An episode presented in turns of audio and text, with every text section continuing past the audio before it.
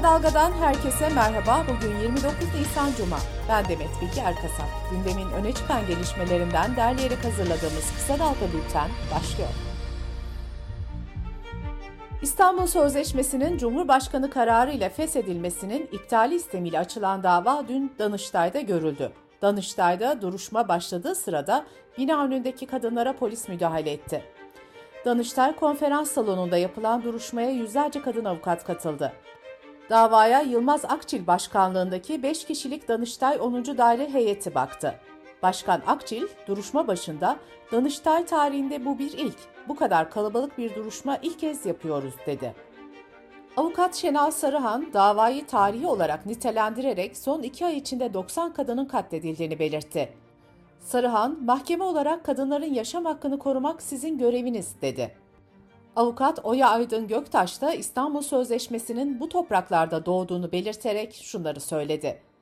Anayasa çok açık. Kimse yetkisini anayasadan almadığı bir yetkiyi kullanamaz. Anayasada Cumhurbaşkanına böyle bir yetki verildiğine ilişkin hiçbir düzenleme yok. Ankara Barosu LGBTİQ artı Hakları Merkezi Başkanı Avukat Seher Doğan Çildoğan ise bu davada iptal kararı verilmezse bu durum nefret söylemlerini, şiddet olaylarını ve cinayetleri meşrulaştırır diye konuştu.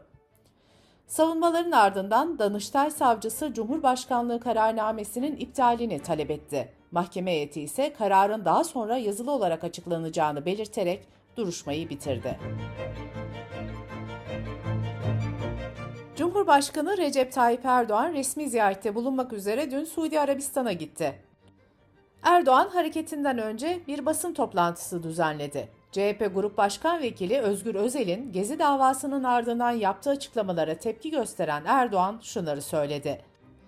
Vekil olduğu için cezai dava olamayacak ama manevi tazminat için avukatlarımız davalarını açıyorlar. Dokunulmazlığı olmayanlar için de cezai davalar açılabilir. Türkiye Cumhuriyeti'nin Cumhurbaşkanına hakaret yapılabilir mi, yapılamaz mı? Demek ki ders almamış. Özgür Özel, Gezi davasında mahkumiyet kararlarının çıkmasının ardından tarih önünde Recep Tayyip Erdoğan mahkum olacaktır, hesap verecektir demişti. Bu arada Erdoğan, Gezi davasından çıkan kararlar için de şu yorumu yaptı.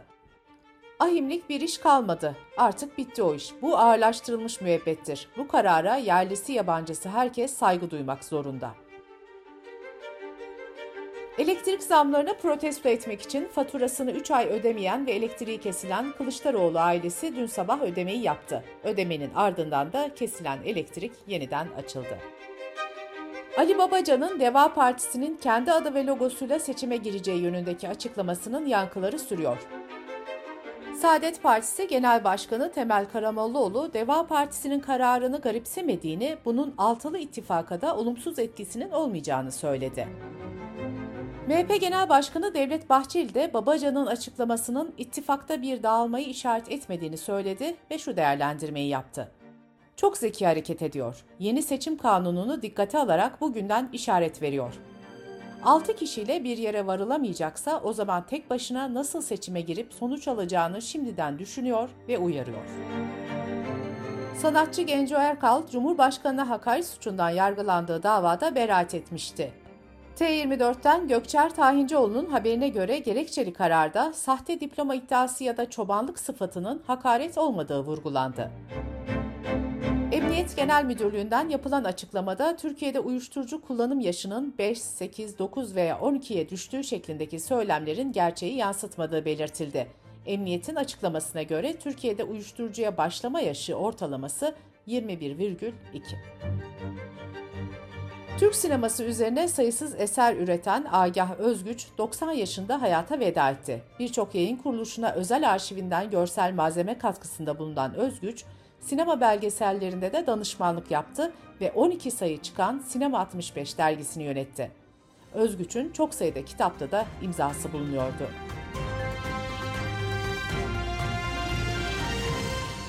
Sırada ekonomi haberleri var. Akaryakıt sektörü temsilcileri petrol fiyatlarının 106 doları aşmasının ardından cumartesi gününden itibaren geçerli olmak üzere benzinin litre fiyatına 85 kuruş zam geleceğini duyurdu. Bayram sonrası içkiye de zam gelecek. Türkiye Tekel Bayileri Platformu Başkanı Özgür Aybaş, 15 Mayıs'tan itibaren rakı, vodka ve viskilerde %15 ila %20, şaraplarda ise %35 ila %40 arasında zam yapılacağını belirtti. Aybaş, bunlar zam değil, yeme içme kültürüne yapılan yasaksız müdahaledir, dedi.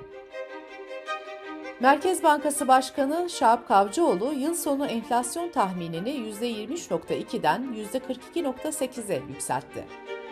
Kavcıoğlu ayrıca 500 liralık banknot ve 5 liralık madeni para hazırlığı iddialarını da reddetti.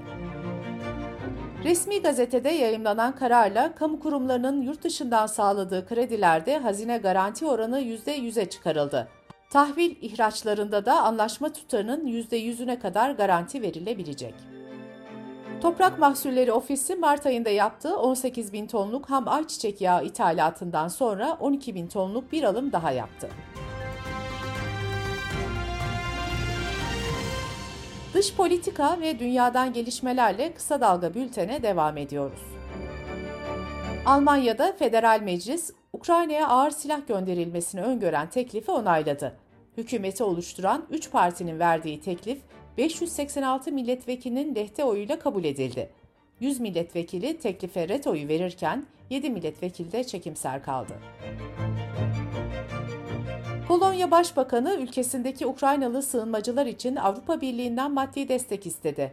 Başbakan, Türkiye son sığınmacı dalgasında milyarlarla desteklendi. Şimdi biz de Avrupa Birliği yardımlarını hak ettik, dedi. Ukrayna'daki savaştan kaçan yaklaşık 2,5 milyon sığınmacının Polonya'ya geçtiği belirtilmişti.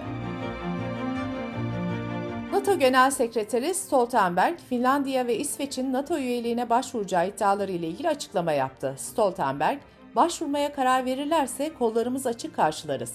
Finlandiya ve İsveç en yakın ortaklarımızdır, dedi. Avrupa Birliği Komisyonu Avrupa'ya yasal göçü kolaylaştırmayı amaçlayan önlemler paketini açıkladı. Komisyonun hazırladığı önlemler paketiyle hem çalışma hem de oturum izni için birleştirilmiş bir başvuru sürecinin hayata geçirilmesi planlanıyor. Ayrıca farklı Avrupa ülkelerinde çeşitli sürelerde yaşayan göçmenlerin uzun vadeli oturum izni almasının da kolaylaştırılması hedefleniyor.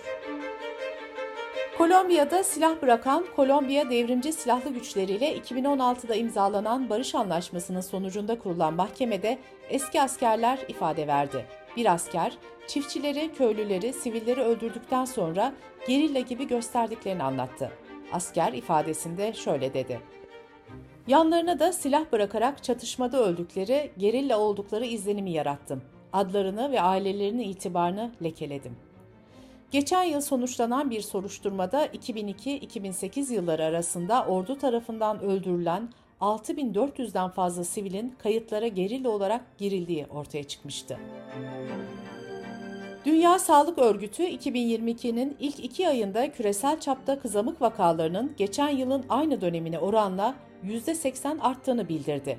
Bu yıl Ocak ve Şubat aylarında 17.338 kızamık vakasının tespit edildiği, geçen senenin ilk iki ayında ise bu rakamın 9.665 olduğu duyuruldu.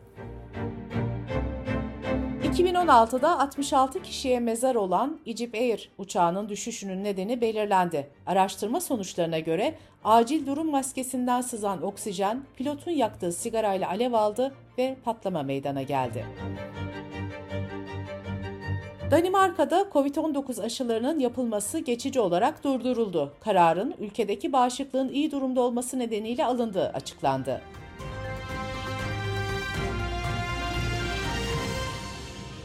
Bültenimizi kısa dalgadan bir öneriyle bitiriyoruz. İstanbul Sözleşmesi geçen yıl 19 Mart'ı 20 Mart'a bağlayan gece resmi gazetede yer alan Cumhurbaşkanlığı kararı ile feshedildi. Binlerce kadın kararı tanımıyoruz diye eylem yaptı. Çünkü bu sözleşme ve ona bağlı olarak çıkarılan 6284 sayılı kanun, Türkiye'de kadınların, çocukların, LGBT artıların şiddete karşı en önemli sığınağı. Cansu Şimşek'in kısa dalga için hazırladığı Bir Hayatta Kalma Hikayesi ve İstanbul Sözleşmesi başlıklı podcast'ini kısa dalga.net adresimizden ve podcast platformlarından dinleyebilirsiniz. Gözünüz kulağınız bizde olsun. Kısa Dalga Medya.